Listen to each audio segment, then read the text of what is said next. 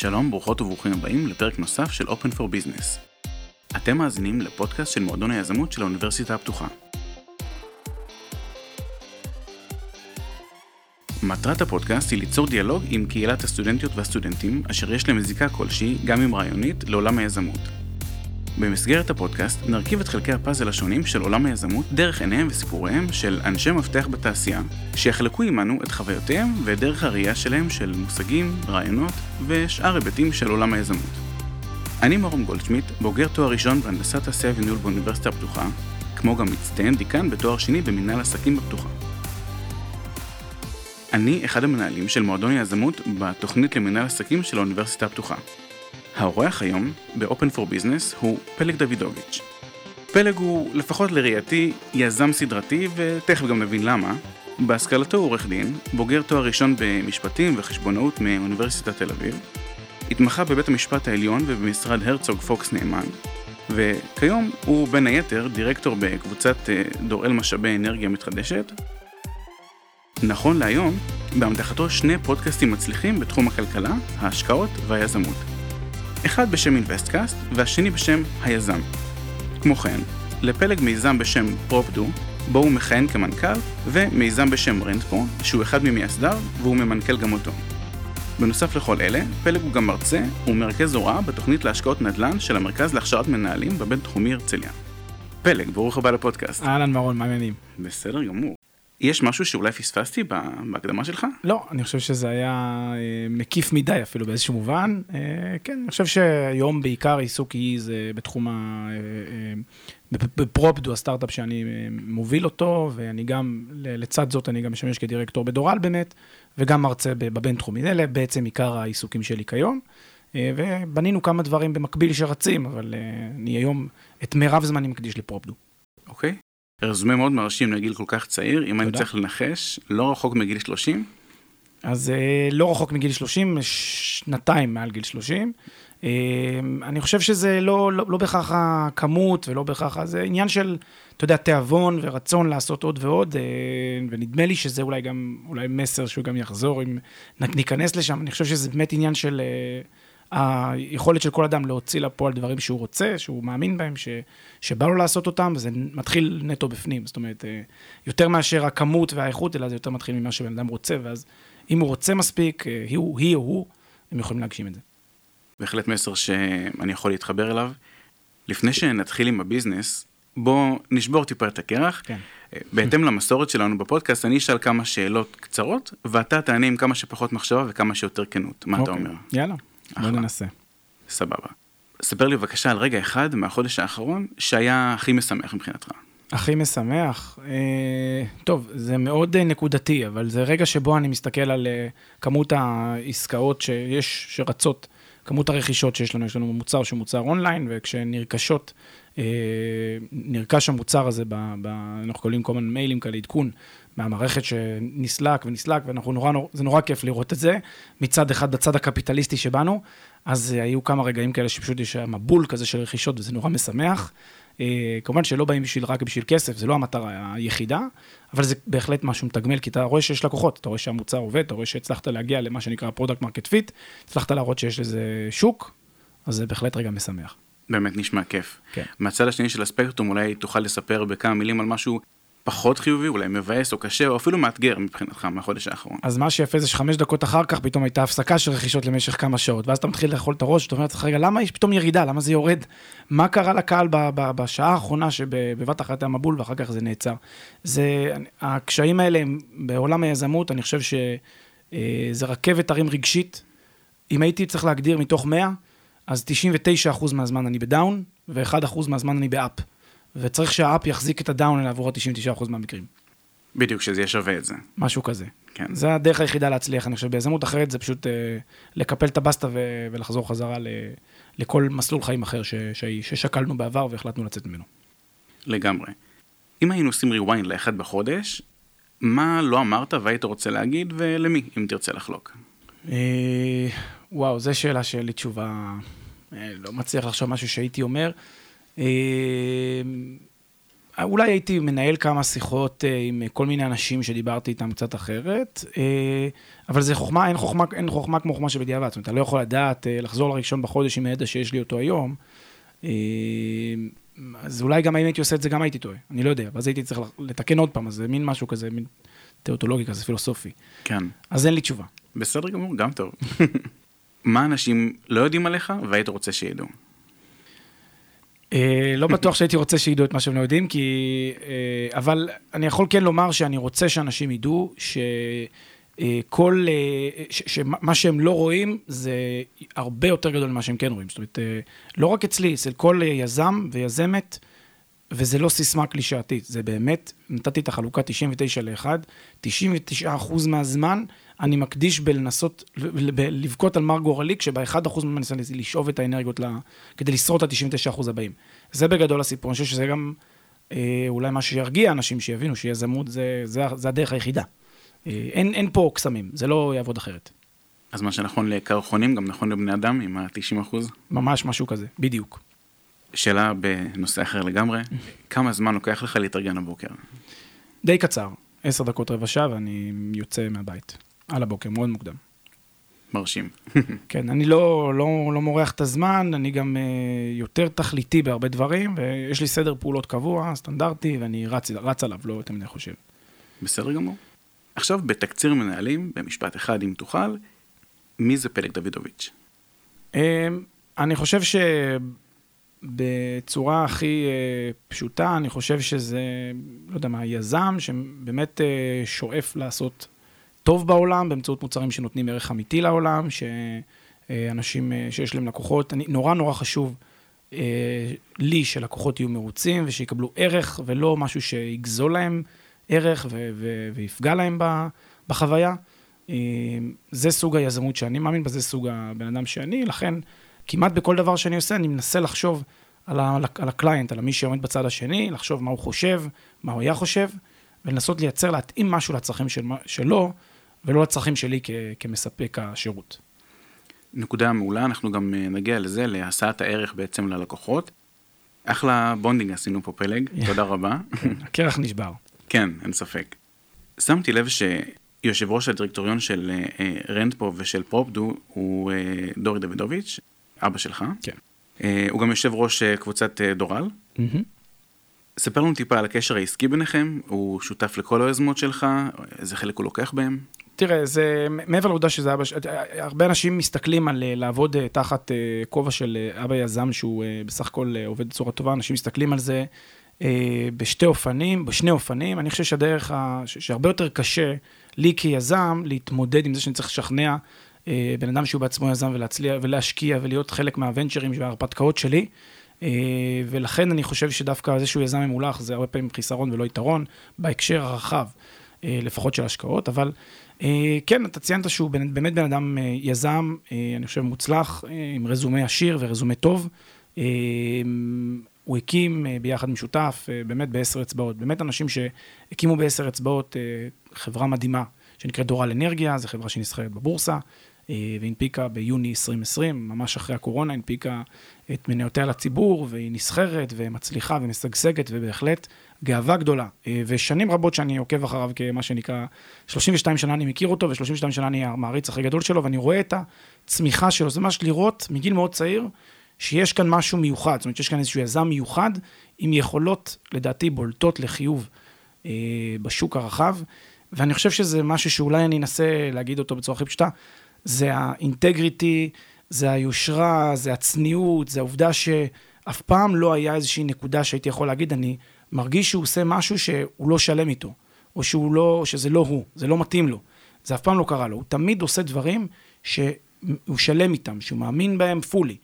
גם אם זה אומר שהיה לוקח לו עוד עשור להגיע ליעד שהוא הגדיר לעצמו, אבל הוא יודע שהוא לא זיגזג בדרך ולא פנה למקומות שהוא לא רוצה לפנות. ואני חושב שהרבה פעמים אנשים מחפשים קיצורי דרך, אז המסר הזה שהוא לימד אותי בהתנהגות שלו, אה, גם אחר כך חלחל, אני חושב, לאופן שבו אני גם אה, יוזם דברים ועושה.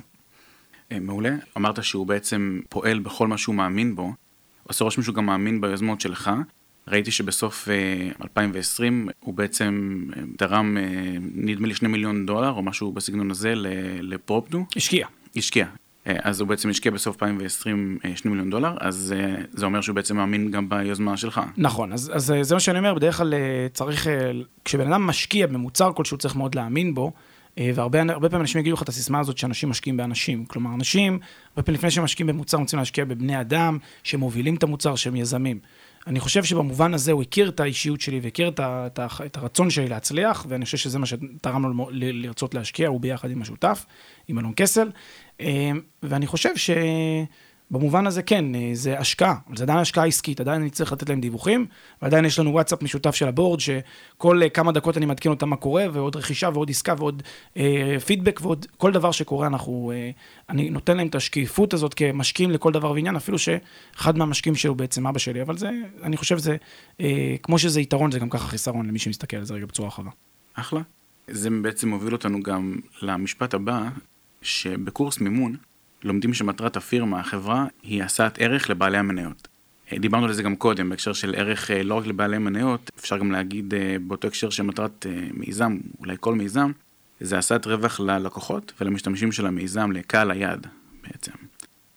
בהמשך לזה, רציתי שנדבר על קורס חינמי שהשקת בזמנו ביוטיוב, במסגרת פרופטו, אחד המיזמים שלך, ולקורס הזה קראו מועדון ה-8%. הקורס הזה בעצם כלל כמה שעות של אה, מידע כלכלי פרקטי שמיועד לקהל הרחב, ואני שוב חוזר על זה שהוא חינמי. אני אשמח אם תוכל לדבר ולספר טיפה למאזינים על מה עמד מאחורי הרעיון להשיק את הקורס, מה היו המטרות שהקורס בעצם קיווה להשיג, ואם תוכל גם אחרי זה לספר על המדדים, אה, האם היו לך מדדים להצלחה של זה, והאם עמדת בהם. כן, אז אני, אני חושב שהקורס בכלל, אה, היצירת התכנים, כמו שאמרת קודם, הפודקאסטים והפעילות הזאת של תוכן, היום אה, כל עולם, כל עולם השיווק, בטח בדיגיטל, הוא הולך לכיוון של content marketing, מה שנקרא inbound marketing, זאת אומרת שאני צריך בעצם להביא את, ה, את הלקוח בצורה כזאת או אחרת אליי הביתה, במקום שאני אלך אליו הביתה, וזה ההבדל. כשאני מביא את הלקוח אליי הביתה, הבשלות שלו, הרצון שלו, המוכנות שלו, המוכרות שלו איתי ועם המותג ועם הערכים שאני מייצג, היא הרבה יותר גבוהה, ואז הלקוח הזה הוא לקוח הרבה יותר אה, גם אה, אה, מעוניין, גם הרבה יותר מכיר, מבין, מיודע. ואז גם ההחלטת רכישה שלו היא הרבה יותר טובה, הרבה יותר נכונה, יותר נותנת לו ערך כי הוא מבין מה הוא קונה, לא בלבלתי אותו עם כל מיני סיסמאות, וגם הוא גם יקנה, יש סבירות יותר גבוהה שהוא יקנה. אז זה גישה אחת של inbound marketing, יש את הגישה השנייה, שזה פשוט אני בא אליו הביתה, ואני שם את עצמי בפניו, ואני אומר לו, בוא תשמע עליי ו- וככה תקנה. אני חושב שקורסים ותכנים אה, שיוצרים אותם אונליין, בין אם זה פודקאסטים, בין אם זה קורסים ביוטיוב, בין אם זה כל מיני דברים מהסוג הזה, אה, בלוגים, אה, כתבות, פוסטים, דברים מהסוג הזה, הם תורמים מאוד להביא את הקהל אליי הביתה, ולא תמיד רואים את התוצאה, וזה דבר שאנשים קשה קצת לתפוס, לא תמיד רואים את התוצאה מיד. זה לא שאתה תראה, שמת עכשיו פוסט בפייסבוק כתבת איזה משהו מאוד יפה מעומק הלב, שני לייקים. לא בטוח שאתה תראה את התוצאה היום, אתה שותל איזה שהם זרעים כדי שהעץ יצמח בעוד תקופה מאוד מאוד ארוכה, וזה עבודה, וזה זמן שצריך להשקיע. אבל אם מתמידים ועושים את זה אחרי הרבה מאוד זמן, בסוף זה מניב פירות ותוצאות. אז, אה, אז החינם הזה, אז הקורסים חינם, או תוכן חינם, או פודקאסטים, זה חלק משרשרת רחבה של דברים שאתה יוצר בשביל הקהל, יוצר לו איזושהי מוכרות איתך, ואחר כך הוא בא וגם צורך את המוצרים והשירותים שלך. אז אין, אין לזה ממש מטריקות, אני לא ממש מודד את זה במטריקות. אנחנו מרגישים, אנחנו שומעים את התגובות, אנחנו שומעים את הפידבקים, אנחנו פוגשים את הקהל. עצם הפגישה הזאת בינינו עכשיו קורית בגלל שנחשפת למוצרים שלנו, נחשפת, ל, סליחה, לתכנים שלנו, והחלטת שהתוכן מעניין. אז זה הסיבה גם שקורית אה, פגישה מהסוג הזה. כן, בסדר, זה גם uh, ענה על השאלה הבאה שהתכוונתי לשאול. uh, האם אתה מרגיש שבאמת יש אימפקט? גדול, גדול מאוד. אה, האימפקט, אה, ואני לא מדבר אה, עם... תראה, יש אנשים שמנסים ולא מצליחים.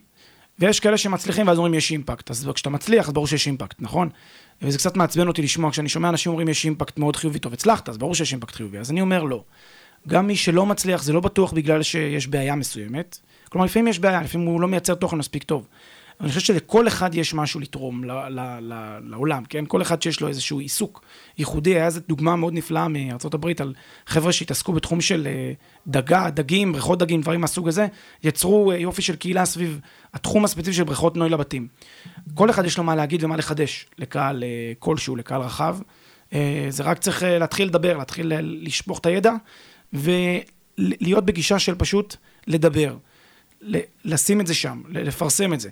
אחרי איזשהו זמן, איקס זמן, כמה שבועות, כמה חודשים, עוד בן אדם ועוד בן אדם ועוד בן אדם, ויתחילו לשמוע את זה. ופתאום בקהל הרלוונטי זה יתחיל לעבור מפה לאוזן, שם יהיה המקום שבו אתה תוכל לראות גם את הריוורד מזה. אז התגובות, הפידבקים, הצמיחה בהאזנות, צמיחה בצפיות, אם זה קורסים, דברים מהסוג הזה, אתם פשוט תראו אותם לאורך הזמן, גם אם זה ייקח זמן. צריך, אה, אתה אומר, לשתול את הזרעים ולחכות לכדור שלג חיובי. בהחלט, להתמיד, להתמיד, מאוד חשוב. אחלה. בפודקאסט אני אוהב אה, לדבר עם אה, המרואיינים על הרקע שלהם. איך הם הגיעו לאן שהם הגיעו. זה נובע מהסיבה שקהל המאזינים של הפודקאסט הוא יזמים ויזמיות בתחילת הדרך שלהם, או מתעניינים ואנשים שחושבים להיכנס לתחום. אני מתאר לעצמי שאותם אנשים ירצו, או תוהים בעצם, מה השלב הראשון להתחיל בו, או מחפשים נקודת השקה או הזדהות עם, עם כל המרואיינים. אני מבין שאתה אה, מתגורר במרכז הארץ, ולמעשה נולדת במרכז, כל החיים חיית בעצם אה, באזור גוש דן. סליחה על השאלה המתריסה מראש, אבל אתה חושב שאולי ניתנו לך הזדמנויות עודפות בחיים בהשוואה למישהו שאינו ממרכז הארץ, או מישהו שנולד ב... וגדל בפריפריה למשל? תראה, obviously קיים, אה, קיימת הטיה וחוסר העדפה, כן? מבחינת תנאי הפתיחה של תושבי המרכז אל מול תושבי פריפריה. זה ברור, כי נתונים ברורים של כמות השקעה בחינוך לתושב, ומשאבים חברתיים ותשתיות שעוזרות להגיע למקומות עבודה ועוזרות להגיע לבתי ספר ודברים מהסוג הזה.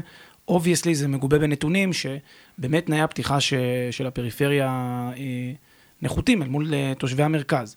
מה עושים עם זה? זאת כבר השאלה שאתה יודע, צריך לשאול את אה, מקבלי ההחלטות ואת קובעי המדיניות, והאם הדרך לפתור את זה, או ל... באיזה דרך לפתור את זה, ואיך יוצרים את ה... מגדילים את השוויון הזדמנויות בחברה.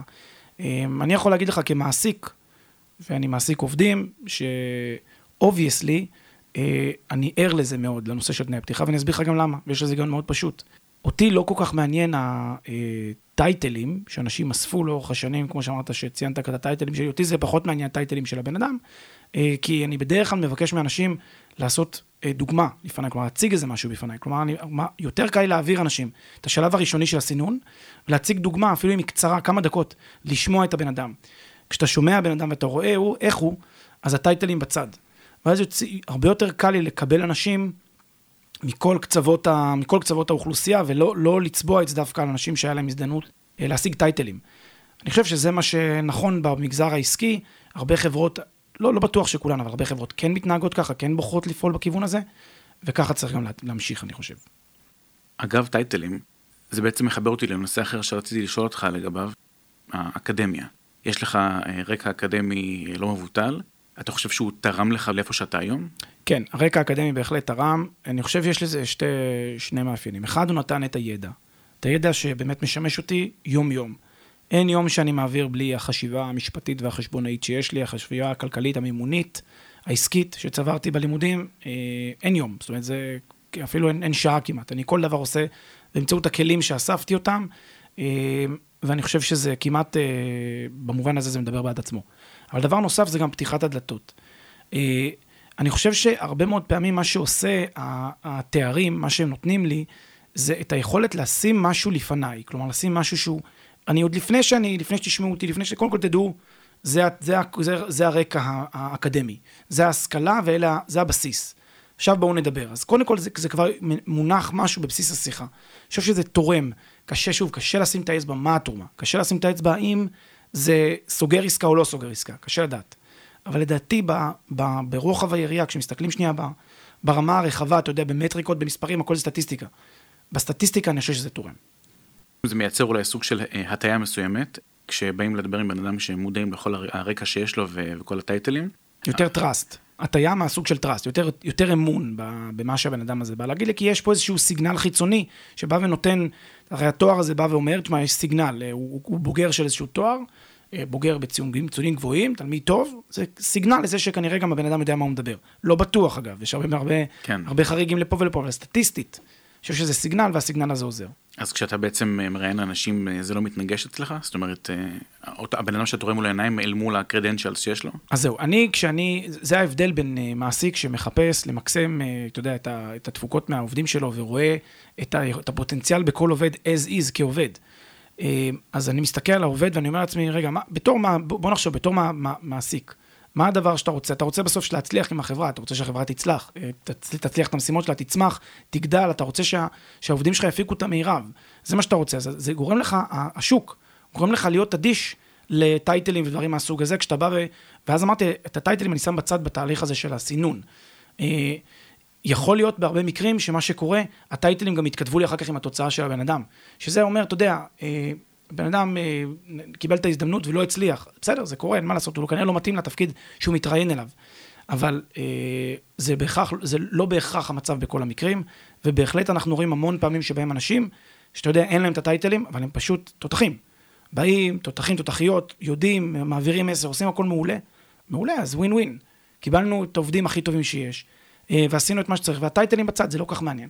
אני רק אומר שכשאתה מתחיל שיחה עם מישהו שבדרך כלל הוא בא עם, ה, עם הדפוסים האלה של אנטי, של חוסר אמון כזה, של, של נטייה טבעית לא להאמין לבן אדם שמולך, כי ככה אנחנו מוכוונים, כל אחד הוא נורא חשדן, ואז מישהו בא ומניח את הטייטל מפניו, זה נותן יותר איזשהו טראסט, זה יותר פותח את השיחה לכיוון שהוא קצת יותר נכון מהזווית שלו. מעניין. אז אם בעצם יש יזם אה, מאוד אה, נלהב ונמרץ בתחילת הדרך שלו, שממש רוצה להתחיל ב... עם אנרגיות גבוהות ובתאוצה גבוהה, אבל חושב שבעצם האקדמיה תעכב אותו. מה, מה תגיד ליזם כזה? זה, אני תמיד נורא נזהר בשאלה הזאת. הרבה אנשים שואלים אותי, הורים שואלים אותי את זה, וילדים, חבר'ה צעירים שואלים אותי את זה, אני נורא נזהר. כי אני יודע שיש אחריות, ל...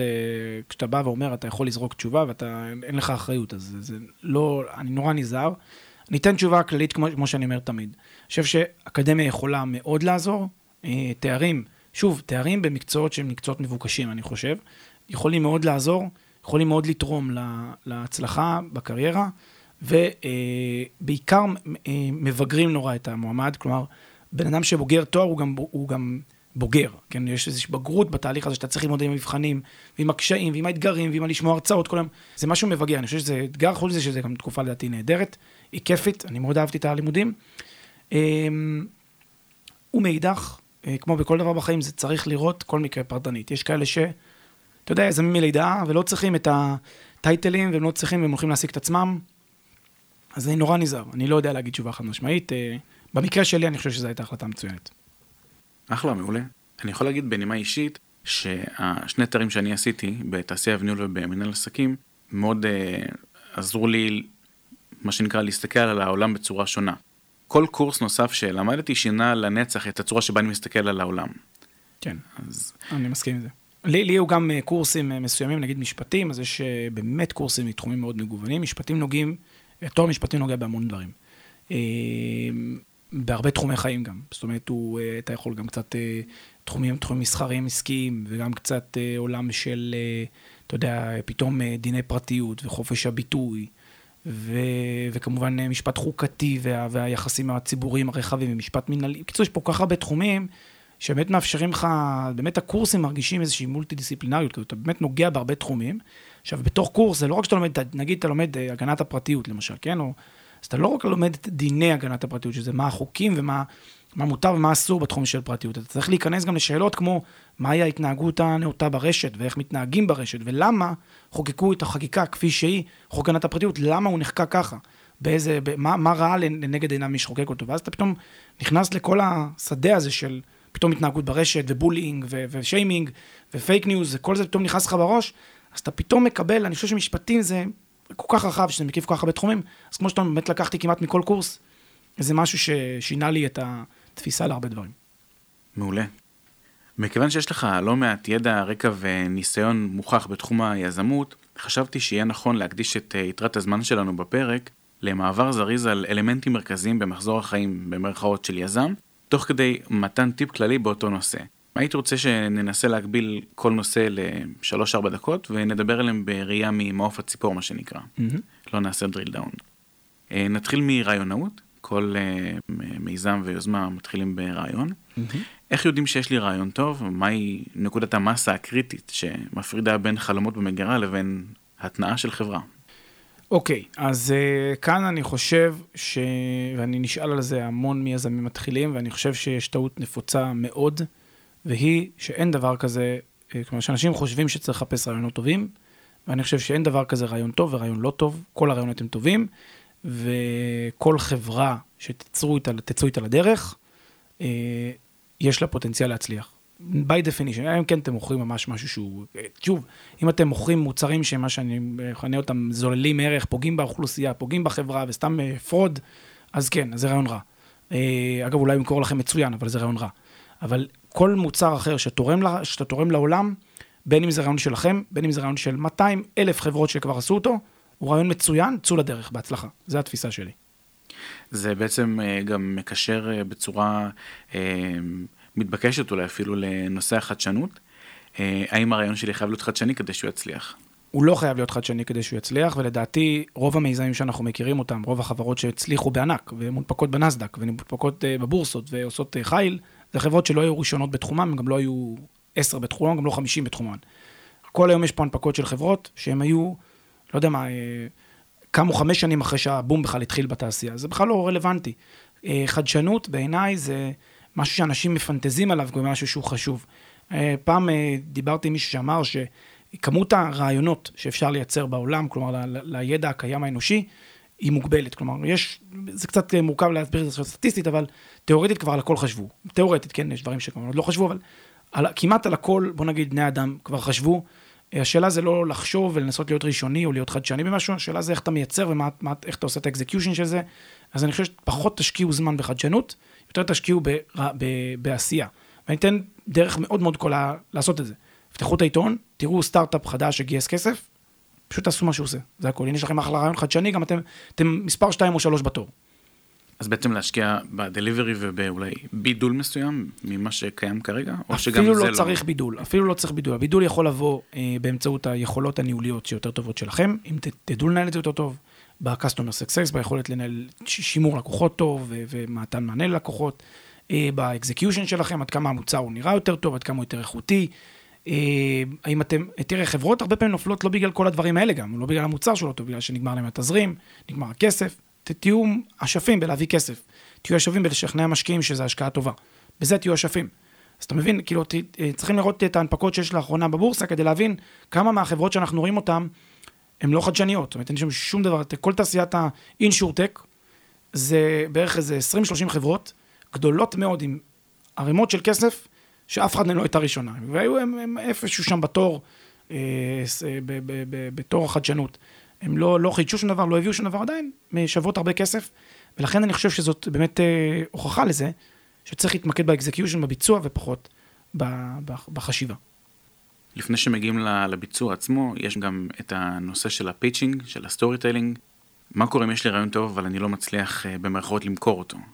יזם הוא איש שיווק, אני חושב שזה חייב להיות אה, הישג נדרש. אם אתם, אין לכם את יכולות השיווק, כי אתם למשל, אה, לא אנשים עם כריזמה מספיק טובה, וקצת חסרי ביטחון, וקצת, אה, אה, לא יודע, אה, מרגישים אה, חוסר נוחות לעמוד מול קהל, אז אלף אפשר לעבוד על זה. אפשר לעבוד על זה, ולדעתי גם כדאי. אה, זה לדעתי הישג נדרש ביזמות, כי יזם הוא המשווק הכי טוב של המוצר שלו. לחילופין, אפשר אה, לגייס שותף, שאותו שותף, אה, הוא יעשה את הנושא של הפיצ'ינג והשיווק, אה, אין בזה שום בושה. אה, אבל אני אגיד מילה לגבי גיוס שותפים. מאוד קל להגיד, מאוד קשה לעשות. למה? כי שותף לא רוצה, בדרך כלל שותפים לא רוצים להיכנס, גם תנו להם 90% מהחברה, כן, תיאורטית. לא ירצו להיכנס למיזם כשהוא בחיתוליו, זה ביצה ותרנגולת, כלומר, בן אדם, עוד לא הראת לו כלום, כבר אתה מנסה לרתום אותו למשהו, זה נורא נורא נורא קשה. אלא אם כן זה חברי ילדות, שאחד הוא באמת אה, משווק גדול והשני הוא רק אה, איש אה, טכנולוגי למשל, אז יכול להיות סינרגיה כזאת. אבל ברוב המקרים, כשאני, כשאני יש לי רק טכנולוגיה והבנה מסוימת אה, עסקית, אבל אין לי את היכולות שיווק, יהיה לי מאוד קשה לרתום שותף. כאן צריך באמת לעבוד. זה לא יהיה קל, צריכים לשכנע עוד אחד ועוד אחד ועוד אחד, ובמקום לראות רק 100 איש, צריכים לראות 1,000 איש ו-2,000 איש, צריך לבזבז הרבה זמן על זה. אבל אם אתם מאמינים בזה ורוצים להצליח, זה הדרך. יש הרבה יזמים שהם בתחילת הדרך שלהם, שיש להם רעיון שהם מאמינים שהוא רעיון טוב, אבל הם לא סומכים על אף אחד עם הרעיון הזה. רק כדי לדבר איתם על, על, על הרמז לרעיון, אתה צריך לחתום על אה, NDA, הסכם סודיות. מה, מה אתה חושב על זה? זה מיותר כמובן, אה, זה לא הרעיון, זה ממש לא הרעיון, זה הביצוע, ולכן אה, לא הייתי, לא הייתי מפחד לחשוף עם אנשים רעיונות. זהו, נראה לי שזה לא... זה כאילו די מתכתב עם כל מה שאמרתי עד עכשיו. וגם לי, לי יש רעיון, תראה איזה רעיון גדול. אני יכול לעשות אפליקציה שאתה מוריד לסמארטפון ואתה יכול דרכה לעשות ביטוח. דרך האפליקציה הזאת. הולך, משקיע או לא משקיע. שתגיד לי, מה, יש מיליון חברות כאלה, נכון, אז מה? השבוע הונפקה חברה כזאת ב-400 מיליון שקל, והיא רק הוקמה לפני זה, לדעתי, שנתיים או שלוש. ולפניה הוקמו כבר לפני עשור כמה חברות. עכשיו, זה לא רק התחום הזה, זה בתחום הנדל"ן, יש לנו חברות שעשו, אתה יודע, שטחים משותפים, חיילים משותפים. תעשייה שהייתה קיימת בשנות ה-60 וה-70 בישראל, שפתחו משרדים ועשו מין חלל משותף כזה. זה שינה למישהו להיות, להקים חברה שכמעט הגיעה לשווי של 40 מיליארד דולר עד שקרה מה שקרה. זה לא שינה. אז לא צריך להיות, שוב, ראשוני, רעיונות, דמיונות, פשוט לעשות.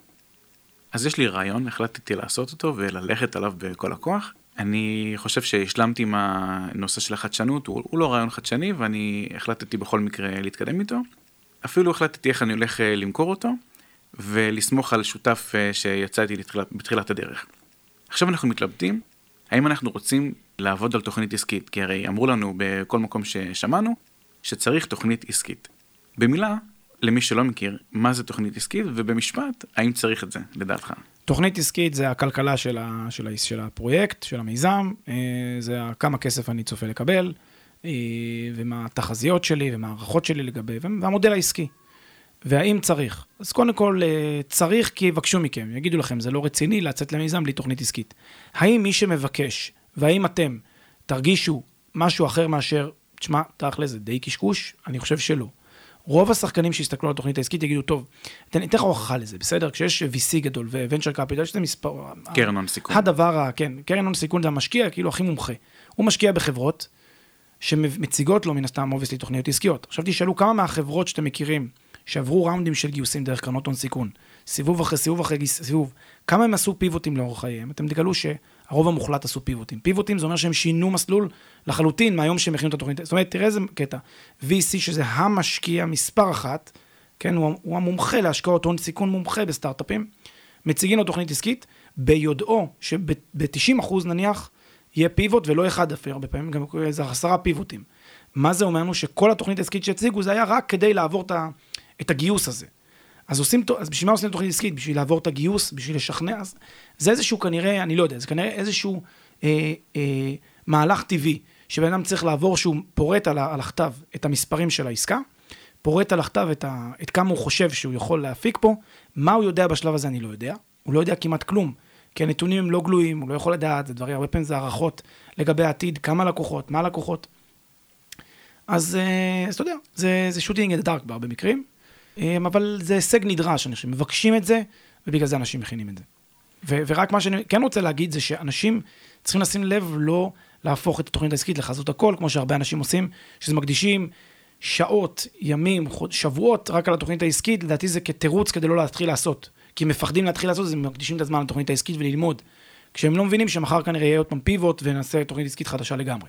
כן, אז באמת אחת המסקנות גם בפרק אה, של הפודקאסט שלך, היזם, אה, שדיברתם אה, על תוכנית עסקית, זה באמת הייתה אחת המסקנות המתבקשות בעצם, שתוכנית עסקית זה באמת דבר חשוב, אבל יותר חשוב מהכל זה להתחיל ולעשות, ותוך כדי תנועה להבין את המציאות המשתנה ולהגיב אליה. נכון. מעולה, באמת נשמע שיש לנו כבר משהו שיכול להתחיל לעבוד. אבל כדי שנוכל לגרום לזה לקרות צריך כסף, או כמו שקוראים לזה גיוס הון. אה, אני יזם צעיר, אה, אין לי ניסיון, מה האפשרות אה, שעומדת בפניי, או אפשרויות אולי? אולי תוכל להגיד איפה כדאי להתחיל. זהו, זה הקושי באמת המרכזי בעולם היזמות, זה נושא הכסף. ואני חושב שיש כאן שתי אפשרויות, ואני מציע את האפשרות דווקא השנייה, הפחות פופולרית. האפשרות הפופולרית זה עוד פעם הצגות, תוכניות עסקיות, זה לרוץ ולעבור מאחד לשני, לשלישי, לרביעי וכולי. אני מציע גישה קצת שונה, אני מציע לייצר לבנות את זה כעסק מ-day one, זאת אומרת לייצר מוצר שאני יכול כבר היום למכור אותו, כבר היום אני יכול להפיק ממנו איזושהי הכנסה.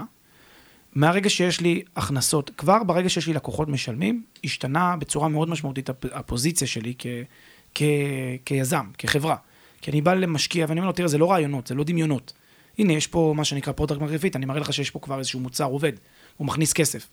כשאתה בא ליזם, כשאתה בא למשקיע ומראה לו שיש חברה עובדת, ongoing business, עדיין לא רווחי בשלב הזה, כי אתה עוד לא מוכרות בשוק, אבל אתה רק, אה, אתה כבר מתחיל להראות שיש לך לקוחות משלמים, אתה מתחיל להראות שיש פה מוצר עובד, כבר שיפרת משמעותי, את, בצורה משמעותית את היכולת שלך לגייס ממנו הון, וגם התנאים שאתה תגייס הון יהיו הרבה יותר טובים בשלב הזה.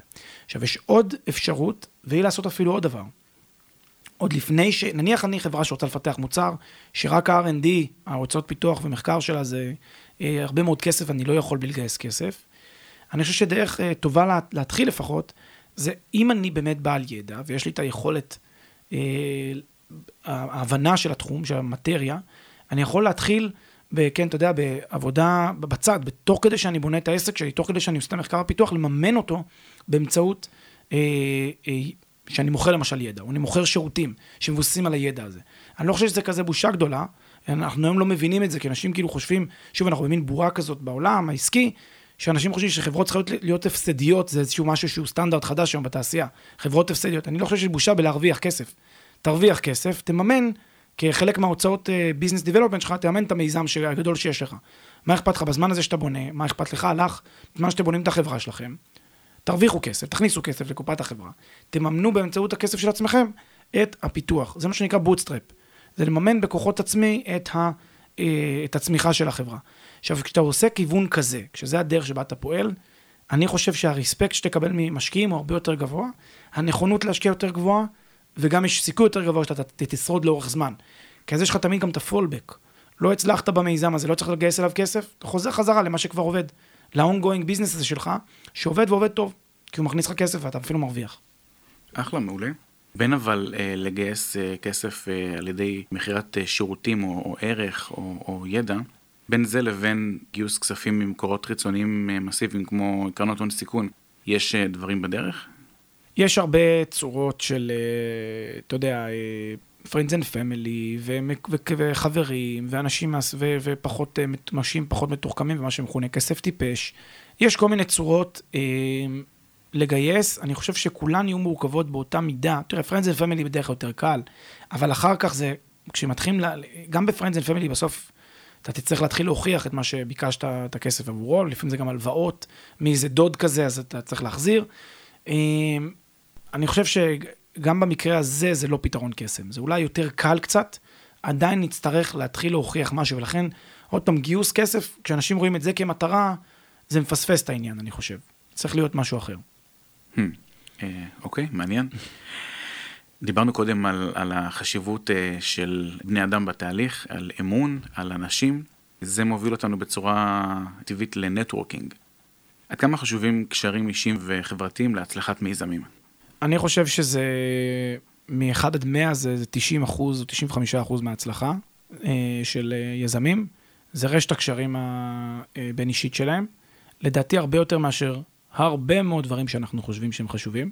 Uh, וההוכחה לזה היא ששוב, תראו את החברות, עוד פעם, אני אגיד לך דוגמה, תראו את החברות שמצליחות פעם אחרי פעם אחרי פעם להנפיק ולגייס כספים מהציבור במסכום, ועושים את ההצלחות המסחררות של מיליוני משתמשים, מיליוני לקוחות.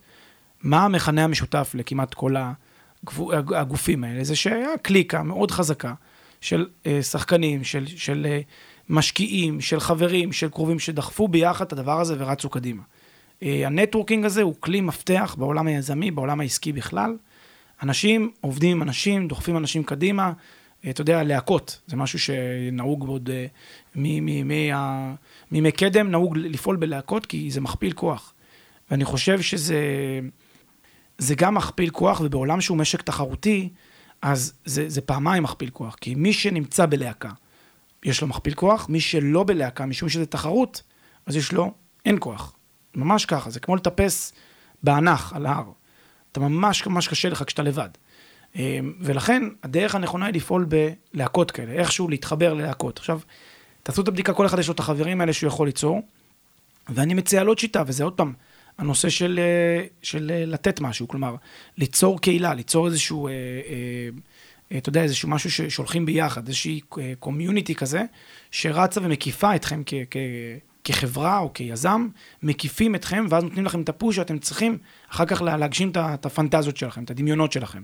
זה דרך שבה אתה יוצר, אתה נותן משהו לעולם, ואז העולם בא ומתחבר אליך, אם לך יש מלכתחילה את הקושי להגיע לאנשים ולהתחבר אליהם. אם אתה נגיד אה, כזה זאב בודד כזה במהות שלך. כדי להרכיב צוות מנצח אה, שיוביל אותנו להצלחה של מיזם, אפשר להצליח עם את ה-one man show, כמו שאמרת, זאב בודד?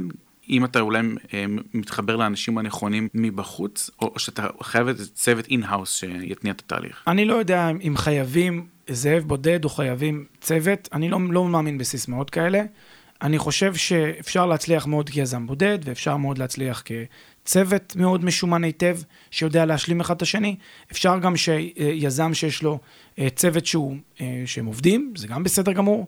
כלומר, כל השיטות אפשריות. אני רק אומר שבין אם זה יזם אחד, בין אם זה שלושה חברים קרובים, בין אם זה מאה חברים קרובים, זה לא משנה, זה לא יספיק אם אין איזשהו כוח מאוד מאוד חזק של, תקרא לזה מאות סלש אלפי אנשים שמניעים את הדבר הזה באיזושהי תנועה, מובמנט כזה, מניעים אותו לעבר ההצלחה. ואם תראו את הסיפורים של כל אותם, שוב, יוניקורנים וסטארט-אפים גדולים שהצליחו, זה מה שעמד בבסיס. לא בכדי אנחנו רואים שוב ושוב ושוב יזמים, בוגרים אה, אה, אה, יחידות טכנולוגיות בצבא, בוגרים אה, אה, כאלה וכאלה אה, מוסדות, כאלה וכאלה גופים, כאלה וכאלה יחידות בצבא שהן לאו דווקא טכנולוגיות. למה זה קורה, ההצלחה הזאת? הרבה פעמים בגלל הכוח הזה של השחקנים שאיתם, החבר'ה שאיתם שהרימו ודחפו ועזרו למהלך הזה לקרות, ל movement. אז אם אין לכם את, ה, את הקליקה הזאת שאתם חלק ממנה, תיצרו אותה. תיצרו אותה באמצעות יצירת קהל, תיצרו את זה באמצעות, באמצעות יצירה של איזשהו movement כזה סביב, סביבכם וסביב המוצר שלכם. וזה מתחבר בעצם לאחת הנקודות הראשונות שלנו בהקשר של אה, מיזם. inbound marketing, בדיוק, של תוכן. כן, נכון. בנוסף לזה גם אה, לרעיון הכולל שבעצם מרחף מעל כל מה שדיברנו עליו היום, שזה פשוט לעשות. לא, לא לתת למציאות לבלבל אותנו, מה שנקרא. נכון, פשוט לעשות, הרבה אנשים נתקעים בשלב הזה של ההכנות והדיבורים על זה, אה, ומה שצריך, מה שצריך פשוט לעשות, ויהיה מה שיהיה המחיר של מה שאתם עושים. זאת אומרת, אה, להפסיד אתם בטוח לא יכולים להפסיד מאשר לא, לא לקבל כלום, כלומר, רק את הזמן. זמן, ואם יש לכם קצת כסף חסכונות, זה כן, זה יעשה הסיכון. אבל uh, אני חושב שזה שווה את ההשקעה. כן, אני בהחלט מסכים עם זה. אנחנו עוד מעט נסיים את הפרק, אנחנו ממש בשלבי סיום. המאזינים שלנו, כמו שאמרתי קודם, אה, נמצאים כנראה בתחילת הדרך שלהם בעולם היזמות, או שמתעניינים בתחום. אחרי כל מה שאמרנו היום, יש לך אולי מילות סיכום עבורם? אני חושב שבאמת איך שסיכמנו עכשיו זו התשובה הכי אידיאלית. אה, לדעתי, אה, אני, אני פוגש את אותם אנשים, זה לא רק ב, ב, בסטארט-אפים ובהון סיכון וביזמות מהסוג הזה, בכל צורה של יזמות שהיא.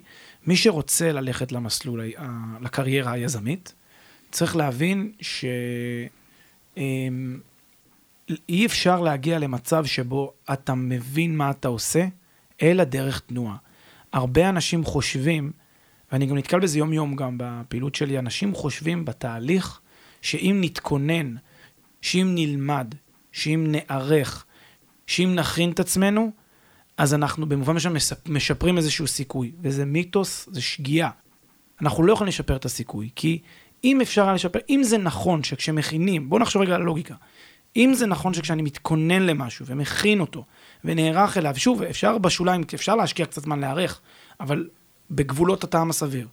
זמן קצר. אבל אם זה נכון שבאמת צריך להקדיש שבוע הכנה והיערכות, אז איך זה שסטארט-אפ שעושה את זה עושה שבעה פיבוטים עד האקזיט? איך? איך נסביר את זה, את ההיגיון הזה? וזה לא אחד, זה כמעט כל הסטארט-אפים שיכולים לחשוב, פייסבוק, אני לא, לא, לא רוצה להכפיש אם במקרה אני טועה, אבל כל הסטארט-אפים שאנחנו יכולים לחשוב עליהם, זה מה שהם עשו, עשו פיבוט אחרי פיבוט אחרי פיבוט, אה, עד שהם הגיעו לאיזושהי הצלחה, או שנסגרו, שזה גם קורה. כן. אבל ההיערכות והתכנון לא עזרו כמעט לכלום בתהליך. מה שנקרא learning by doing. בדיוק. אוקיי. ממש כך. מעולה. יש אה, מישהו או מישהי נוספים שהיית ממליץ לי לראיין בהמשך? אה, וואו, אה... זה יכול להיות בכל תחום שאיכשהו קשור או משיק אה, לעולם היזמות, אה, כל מה שדיברנו עליו היום. אני חושב ש... אני לא רוצה לציין שמות כדי לא לפגוע באף אחד, אני חושב אבל שכן כדאי אה, לראיין אנשים ש... קצת קשה לי לשמוע שוב ושוב ושוב את אותם, אה, את אותם אמירות חוזרות אצל כל כך הרבה אנשים, שכאילו אין, אין קו עקבי. אני דווקא נורא אוהב אנשים שאני יכול למצוא אצלם מסר עקבי, ברור.